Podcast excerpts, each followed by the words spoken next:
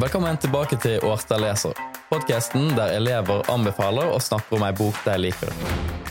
Jeg heter David Kvamme Høvik, og jeg jobber som litteraturformidler på Årstad videregående skole. I denne podkasten skal jeg snakke med elever som liker å lese, og elever som aldri har kommet i gang med det. Før hver episode leser jeg ei bok som eleven har anbefalt til meg. Til nå har jeg bare snakka med jenter, men nå har vi fått en gutt med. Det er Bjørn, og han har anbefala 'Hvem drepte faren min?' av Edward Louis.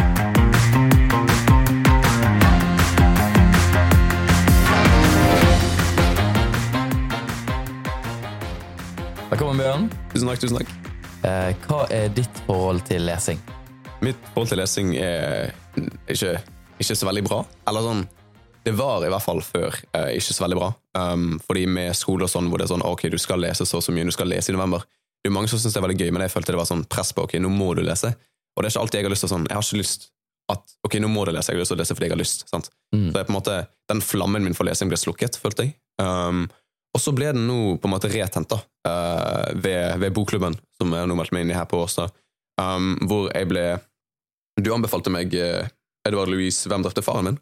Um, veldig kort og enkel bok. Uh, jeg leste den, hadde noen ideer om hva det var. De ideene ble sprengt på, på en positiv måte. Jeg hadde, jeg hadde en boks, en, en type sånn ok, dette her er det den kommer til å være, og så ble den bare sprengt i filler. For den er, den er så mye bedre enn det, den, enn det jeg trodde. altså. Så altså, Hvis noen hører på som ikke har lest den, så anbefaler jeg virkelig å lese den. For den er bare sånn 70-77 sider, den, og den er helt, helt nydelig, altså. Um, Men etter det så har den vært min uh, liksom rundt lesing så har jeg blitt mye mer positiv til det. Så jeg prøver å lese mye mye mer og engasjere meg for litteratur da, uh, på en høyere nivå enn det jeg har gjort før. Ja, det er kjempegøy. Mm. Den bokklubben du snakker om, det er jo Bokhavet bokklubb. Det er en bokklubb som vi starta nå i, i år, der vi møtes en gang i måneden i lunsjen på biblioteket, og så snakker vi om bøker. Og da anbefaler jeg eh, den boka til deg, og så las du den, og det var sånn her På et tidspunkt så husker jeg at jeg så deg sitte på en måte etter stengetid på biblioteket. Du skulle rekke en buss, men du måtte bare hive ned noen tanker eh, om boka da, før du, eh, før du Mm. skulle fære. Hva var på en måte første reaksjonen din til denne boka? her? Wow, egentlig. For altså sånn, for en bok. Den er, den er helt syk. Altså, det er, den er så liten, eh, og allikevel så klarer Louise å få med så mye, så mye bra, og så mye kritisk til samfunnet, og så mye sånn deler av haren og karakterer og sånn. Altså, sånn det, det, det er så mye på så lite, som er ekstremt imponerende. Eh, ikke bare det, men også måten han skriver på er veldig, veldig engasjerende, føler jeg. For det er sånn, han snakker til, til deg som eh, at du er faren, altså du, sant? Så, Mm. når du var ung, når, når du gjorde det og det. Og det gjør sånn at du, det på en måte, han beskriver livet til faren, ja, men han beskriver ditt liv til, til en viss grad. Så Mm. det er ganske nydelig. Kan du si um, litt om hva du tenker at Louis ønsker å oppnå med denne boka her? Ja, altså det er jo, som du sa, det er jo en biografi, Uh, så det er jo om faren og litt om Louis selv, og hans på en måte, uh, ja, egentlig hans liv, men som faren da, hvordan han er som han er. Eh, og den er veldig, den er veldig samfunnskritisk, Eh, og det er ikke noe han merker før de siste, siste sånn 10-20 sidene, ish. Um, fordi i starten så er det, de 50 første sidene, er det egentlig bare en biografi om faren da, hvor du forstår han som karakter, du får et, du starter med en sånn idé om at ok, han er litt sånn, han er en drittsekk, fordi måten Louise forklarer han på i starten, er ikke forklarer på, men sånn, det du får vite om faren i starten, er ikke hele karakteren hans. Sant? Mm. Så du får sånn førsteinntrykket ganske negativt, men så blir det mer og mer positivt, og du forstår hvorfor han er som han er. da. Eh, altså at han har blitt, han har blitt undertrykt, og da, da er han, han, har, han har ikke lyst nødvendigvis å være på den måten han er, men han har blitt sånn fordi samfunnet har på en måte presset ut av han. Um, og så er jo da de siste, siste 20 sidene for deg forbanna, fordi som jeg sa, når Louise skriver på den måten han gjør, så føler du at det er ditt liv. sant? Eh, Mm. Og når de siste 20 sidene, når det kommer lover fra det franske samfunnet, uh, og de som styrer, som gjør det livet som uh, Louis sin far allerede har, som allerede er ganske jævlig, enda verre, da, da jeg ble i hvert fall ganske provosert. Det er sånn en annen ting. Jeg bare Fy faen. Det, det, det, var, det, var, det var sinne. Jeg ble, jeg ble sinna. Mm. Mm. Og det, det er jo en todeling her, akkurat sånn som du sier. Det er 50 første sidene, så blir vi kjent med faren. Disse 20 sidene så er det eh, en beskrivelse av hvordan det franske samfunnet undertrykker denne faren. Men har du lyst til å trekke fram liksom noen liksom konkrete eksempler på de virkelig mørke sidene av faren, men òg noen av de lyse sidene? For her får vi jo en hel karakter. Dette er jo et helt menneske. Mm. Et helt menneske på, på 50-70 sider, det er ganske sykt. Men ja, altså du får jo Som jeg sa i starten, er jo negativt, for han har jo faren hans, faren hans igjen, altså bestefaren til Louise, eh, hadde jo et negativt forhold til rus og var vel alkoholiker, så vidt jeg forsto. Eh, og det hadde jo en ganske stor innflytelse på faren hans, da. Eh, med at han, han selv sverget med at han aldri skulle bli sånn. Eh, og så ser man jo senere i boken at det dessverre skjedde, da. For det er jo en sånn loop som bare skjer eh, i, i, sånne, i sånne kretser, da. Um, så det er jo mye Og så er jo også faren hans viser ikke følelser. Um, for det er, jeg føler det er en sånn ting som er veldig vanlig, da, at menn i, i samfunnet ikke skal vise følelser. De skal være skjoldet til familien. Så de skal, ikke, de skal på en måte ikke ta sin guard down. Da. De skal være på hele tiden. Um, og det har jo negativ innflytelse på faren hans, for det, det, vises at hans mentalitet kanskje ikke er så bra som den kunne vært, da, hvis han hadde for eksempel åpnet opp. Og det går jo igjen utover Louis, da, for han er jo, som du sa, eller homofil og sånn. Uh, og det at han har lyst til å uttrykke seg på en sånn måte, uh, er jo faren negativ til, fordi han har vel opplevd veldig mye av det lignende, da, uh, med at han har blitt undertrykt, og han har en idé om hvordan menn skal være i samfunnet. Mm. og han har blitt nesten hjernevasket til å tro at det er sånn menn skal være. da. Så når Louise på en måte prøver å ødelegge den boksen og ødelegge, gå utenfor normen, så er faren veldig negativt i det. Mm. Mm. Kjempebra. Og de vokser jo opp, eller Louis vokser jo opp på, i den franske arbeiderklassen på bygda. Det er jo faren hans og de er bestefaren før han. Og her er det en forventning om at man skal være maskulin, man skal jobbe på fabrikken, man skal synes at videregående er teit, man skal ha null respekt for lærerne, og så jo tidligere man slutter i skolesystemet, jo mer maskulin man er, er man. Og så ser man jo det at de som går rett inn i fabrikken når de er 15-16-17 år gamle, får jo kroppene sine ødelagt eh, på et tidlig tidspunkt, og så må de jobbe knallhardt for lite penger senere i livet. Og da er vi jo rett inn i den klasseforståelsen og klasseundertrykkinga som står helt sentralt i denne boka. her. Har du lyst til å si litt om hvordan Louise skriver om klasse i denne boka? Mm. Altså, han snakker jo om, uh, om faren og hans liksom steder i samfunnet, og at det er veldig lavt nede. Det er jo i underklassen. sant? Uh, og han snakker om kontrastene mellom altså forskjellene mellom de rike og de fattige, Uh, at de er så ekstreme. Man skulle nesten ikke tro det. Uh, vi er jo i Norge, så for så vidt vil jeg påstå at forskjellene ikke er like store. De er der, men ikke på samme nivå som eksempel i Frankrike. Eh, og måten Louise får det fram, er jo veldig på en måte oppvåkende. For meg for eksempel, har jo aldri tenkt på det på den måten. sant? Jeg vet jo ikke hvordan det er å være i underklassen og være der nede i Frankrike og faktisk ha en far som eh, sliter mentalt og fysisk fordi samfunnet krever at han gjør det. Um, men han skriver på en sånn åpen måte at du, du, forstår det til en viss grad. Du klarer å på en måte sette deg inn i det. Og, og, altså Han skriver ganske lett, egentlig. Um, på den måten at du, du, du, forstår det. Du skjønner det. Mm. Selv om du aldri har opplevd det selv nødvendigvis, så kan du, kan forstå hva, hvor jævlig det er, egentlig. Har du noe som du har lyst til å ja, lese opp? Jeg har noen få. Jeg kan begynne med, med side 40. Um, der er det et sitat hvor det er uh, Jeg snakker om deg i fortid fordi jeg ikke kjenner deg lenger Jesus ville vært en løgn. Mm. Uh, jeg synes Det passer jo veldig bra med tittelen, med, med, det at 'Hvem drepte faren din?' Sant? For det er, jo, det er, jo, et drap som har skjedd. Um, nå er jeg usikker på om faren hans faktisk er død eller ikke. Uh, men så vidt jeg forsto det, så er han ikke egentlig død. Han lever fortsatt, men hans karakter og personlighet er drept. Um, av utsiden, da. Altså Det franske samfunnet har rett og slett bare drept han. Med, de, med så mye de belaster han, så er det jo mentalt og fysisk så så klarer han det ikke. sant? Uh, og du ser jo da en endring um, Louis forklarer en endring i, i, karakteren til faren. da. At som sagt, I starten så er den ganske negativ. Han er, han er en god far på sine måter, men han har jo selvfølgelig sine negative sider. Uh, og de, de, skinner jo uh, i mellomtiden mellom, gjennom boken. Men så på slutten så endrer han seg. Uh, han får en nesten sånn gjenoppstandelse. altså Han blir, han blir gjenfødt til en ny person, uten å merke det selv egentlig. Sant? For det, det er som at han ikke er den samme som han var. At han er, han er en helt ny person. Samme samme kropp, samme sinn, men et helt, helt annen personlighet. da, Helt annen karakter. Mm, det er et kjempeinteressant tanke. Eh, sånn som jeg forstår boka, så er jo det at vi får se glimt av hvordan han var i begynnelsen, når han brukte parfyme, han kunne kle seg opp i dameklær og måtte kødde med det, han kunne mm. danse. Mm. Men så er det noe som dreper den personligheten. Han forsvinner, det er tyngende arbeid, det er krevende familieforhold, så man ser at han forsvinner litt eh, personligheten. Og sier vi går med den tolkningen, da, at dette handler om at det er personligheten hans som blir drept, ikke nødvendigvis det at han er død. Eh, så er det veldig fint måte, å se denne bevegelsen fra at han er i live, og så blir han drept, men så får han iallfall en, en form for eh, gjenfødelse på slutten der, eh, som Louis beskriver at eh, han trodde før at det var de homofile og det var de mørkhudda som eh, var, hadde skapt alle utfordringene i samfunnet, altså ødelagte samfunnet vårt, men så var det egentlig politikerne. Og da fikk han et helt annet inntrykk av Louis som homofil, og som en mer progressiv tenker, da.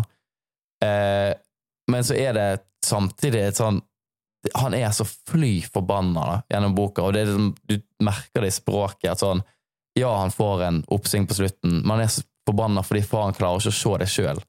Eh, det er allerede gått for langt. Kroppen hans er ødelagt pga. fabrikkarbeid. da. Har du lyst til å si litt om eh, akkurat det der med det å bli drept av samfunnet? På hvilken måte kan man eh, Si at vi tar utgangspunkt i at den som drepte faren, er samfunnet. Hvordan kan det skje? Altså, det er jo, som sagt, så var det jo uh, Samfunnet krever veldig mye av han. Statusen som mann og far for familie er, er veldig stor, da. Uh, spesielt i en underklasse. Så blir du veldig lett undertrykt. Um, så er det jo for eksempel høyere oppe folk som har makt, folk som har penger. Uh, de er jo de som gir deg jobb og gir deg mulighet til å leve. Men samtidig så er det også de som dreper deg. Så det, det, det er en veldig merkelig, merkelig sammenheng. Men det er jo Faren hans blir jo uh, Må jo jobbe harde dager, harde skift, med uh, mye å gjøre, samtidig så mentalt så virker det som at det går, blir bare verre for han. Så det blir jo, han blir jo undertrykt til de grader at han ikke, at han ikke klarer det mer. da. Han blir til en viss grad hjernevasket, uh, hvis det gir mening. jeg vil ikke si at det er derfor han ikke klarer å på en måte se seg selv som en ny person, se seg selv som bedre enn den han var. for han er så hjernevasket at han ikke, at han ikke forstår det. da. Så mm. både kroppen hans er, er, helt ødelagt med ekstreme smerter, og så på tillegg så er han hjernevasket. Så det, det er ganske forferdelig. Ja, og det Jeg syns det er veldig interessant det, hvor langt Louis går i å hevde at det er politikerne som faktisk dreper han, fordi eh, det er jo det er, Jeg bare synes det er en ganske voldsom påstand, da, og på slutten så skriver han um, Nå skal jeg finne fram det sitatet her. Eh, for eh, da, er vi inne på de siste 20 sidene som vi snakker om i begynnelsen, at det er Han nevner politikere og eh, politiske vedtak som de har gjennomført, som har gjort livet til faren og andre i den franske arbeiderklassen verre. Disse navnene jeg har nevnt på de foregående sidene, kanskje de som leser meg, ikke kjenner deg, kanskje de allerede har glemt deg eller aldri har hørt deg før, men det er nettopp derfor jeg vil nevne deg, for det finnes mordere som aldri blir knyttet til mordene de har begått. Det finnes mordere som unnslipper skammen takket være anonymitet eller glemsel, for jeg vet at verden handler i ly av mørket, i ly av natten. Jeg nekter å godta at de skal glemmes. Jeg vil at navnet deres skal bli kjent nå for alltid, overalt, i Laos, i Sibir og i Kina, i Kongo, i Amerika, over alle hav, dypt inne på alle kontinenter, utover alle grenser. Blir alt alltid glemt til slutt? Jeg vil at disse navnene skal bli umulige å glemme. Jeg vil sørge for at de går inn i historien for å ta hevn. Eh, sjukt. Ja, jeg, jeg fikk frysninger nå. det er helt sykt.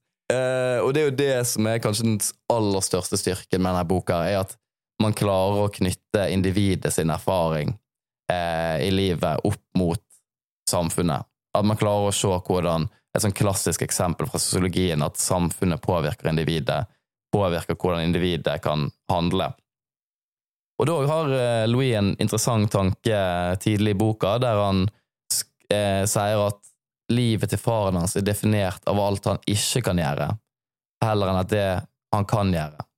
Eh, og hvordan skiller eh, den erfaringa seg fra overklassen sin eh, erfaring, for eksempel? Ja, altså det er jo som sagt veldig store forskjeller mellom de rike og de fattige, um, spesielt av underklassen og overklassen. Uh, og man ser jo det på en måte at uh, Kanskje faren til Louis hadde, hadde, planer, kanskje han hadde drømmer, kanskje han hadde sånne ting han hadde lyst til, men realistisk sett så hadde det aldri vært mulig å gjøre noen av de.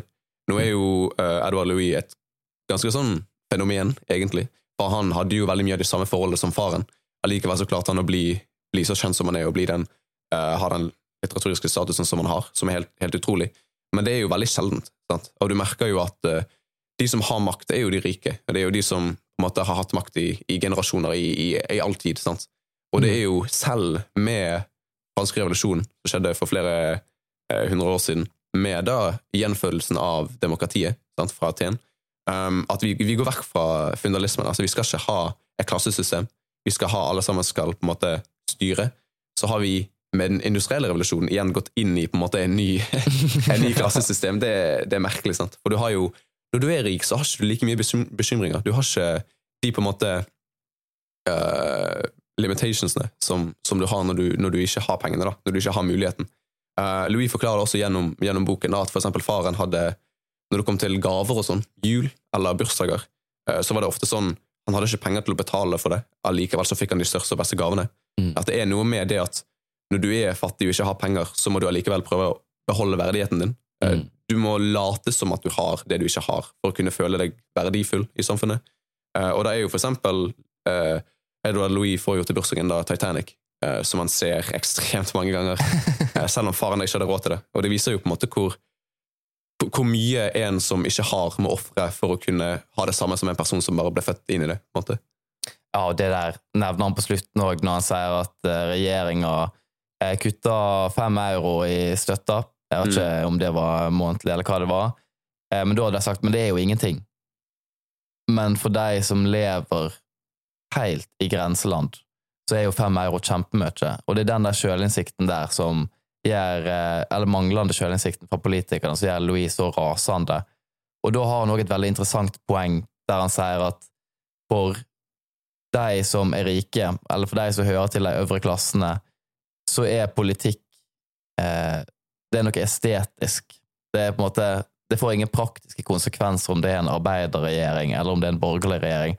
Det får ingen konsekvenser for de rike, fordi det handler bare om hvem de er som person, egentlig. Eh, hva parti de hører til. Det er liksom sjølrealisering på en annen måte.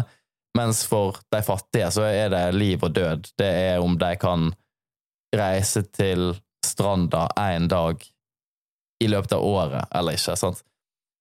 Så, um, så jeg syns det er, er super, superinteressant. Og da um, tror jeg vi skal begynne å, um, å gå inn for uh, landing, Bjørn. Men mm. har du lyst til å bare snakke litt om slutten av boka, for den vet jeg at du er veldig glad i? Ja, uh, jeg er jo veldig fan av boken generelt, sånn størrelsesvis også, for den er jo den er jo veldig liten og den er jo veldig kort. Sant? Uh, og jeg syns det er ganske nydelig, fordi det, det, at han klarer å fange et helt person sitt liv innenfor sånn 70 sider, er ganske sykt.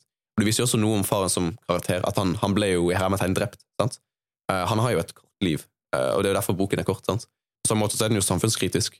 Uh, det er jo derfor også den er, boken er kort, fordi uansett hvor du er i samfunnet, uansett hvilke utdanning du har, så kan du så er det ganske påstå at du klarer å lese den.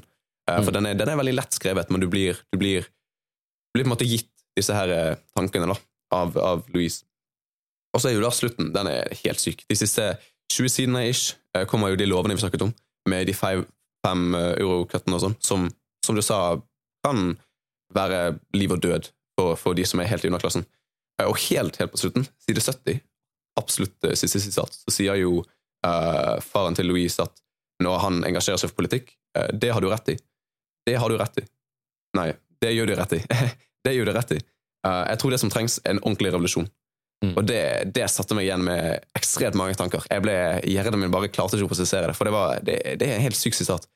Og nå når vi har snakket om den industrielle revolusjonen, uh, og måten det har hatt Eller vi har i hvert fall ikke snakket om det, vi har nevnt det, sammen med fransk revolusjon, at det var jo, det var jo en, uh, en veldig voldelig uh, revolusjon som på en måte skulle ta, ta hodet av de som hadde makten, og gi makten videre til folket. Så har jo den industrielle revolusjonen laget nye klasser, nye samfunnsklasser. Du har overklassen, du har underklassen, du har arbeiderklassen, du har Og det blir jo tilbake til middelalderen med at du har kongene, da, hermetegn, på toppen. Eh, du har eliten, de med penger, de med makt, de med politisk innflytelse. De som er blind til hvordan det er å være på bunnen. da. Og så har du de på bunnen som er fundamentet til samfunnet, eh, men allikevel så blir de behandlet som at de er, de er objekt. De er, de er, ingenting annet enn arbeidskraft, egentlig. Og det er jo det er ganske sykt, egentlig. Eh, jeg fikk frysninger av å lese det. Jeg satt igjen helt blind nesten. Jeg, jeg vet ikke hva jeg skulle, skulle si eller tenke eller gjøre. Jeg bare satt og undret over, over det sitatet lenge, da. Um, ja, så jeg, jeg syns det er helt sykt. Uh, alt det på 70 sider er, er utrolig. Uh, og igjen, hvis du ikke har lest den boken, så anbefaler jeg det absolutt. Nå har jeg blitt spoilet veldig mye, men jeg tror at det vi har snakket om, er, er bare sånn toppen av, av isbreen til boken. Jeg mm. tror at hvis alle personer leser den, så kommer alle sammen til å ha nye nye ideer rundt den da, og nye, nye tanker. Uh, at hvis, hvis flere folk leser boken, så tror jeg vi får et større bilde om hvordan det er å være i underklassen i samfunnet, i det franske systemet, og i samfunnet generelt. For det er sånn i egentlig alle samfunn i dag. For en avslutning. Kjempebra, Bjørn. Tusen Tusen takk for at du var med. Veldig gøy å ha deg med. Det kan Veldig godt hende at jeg spør deg en annen gang òg. det håper jeg. Det var veldig gøy. Tusen takk for muligheten. Herlig. Da eh, snakkes vi igjen. Av en eller annen grunn så trodde jeg at jeg kunne få til uh, ukentlige episoder av, uh, av Åse. Det var, det var mildt sagt ambisiøst. Mm. Så det kommer nok ikke til å komme jevnt, men jeg skal prøve å få det ut så ofte som mulig. Det er mange navn på blokka og mange bøker på blokka, og det gleder vi oss til. Takk for nå. Yes. Nice.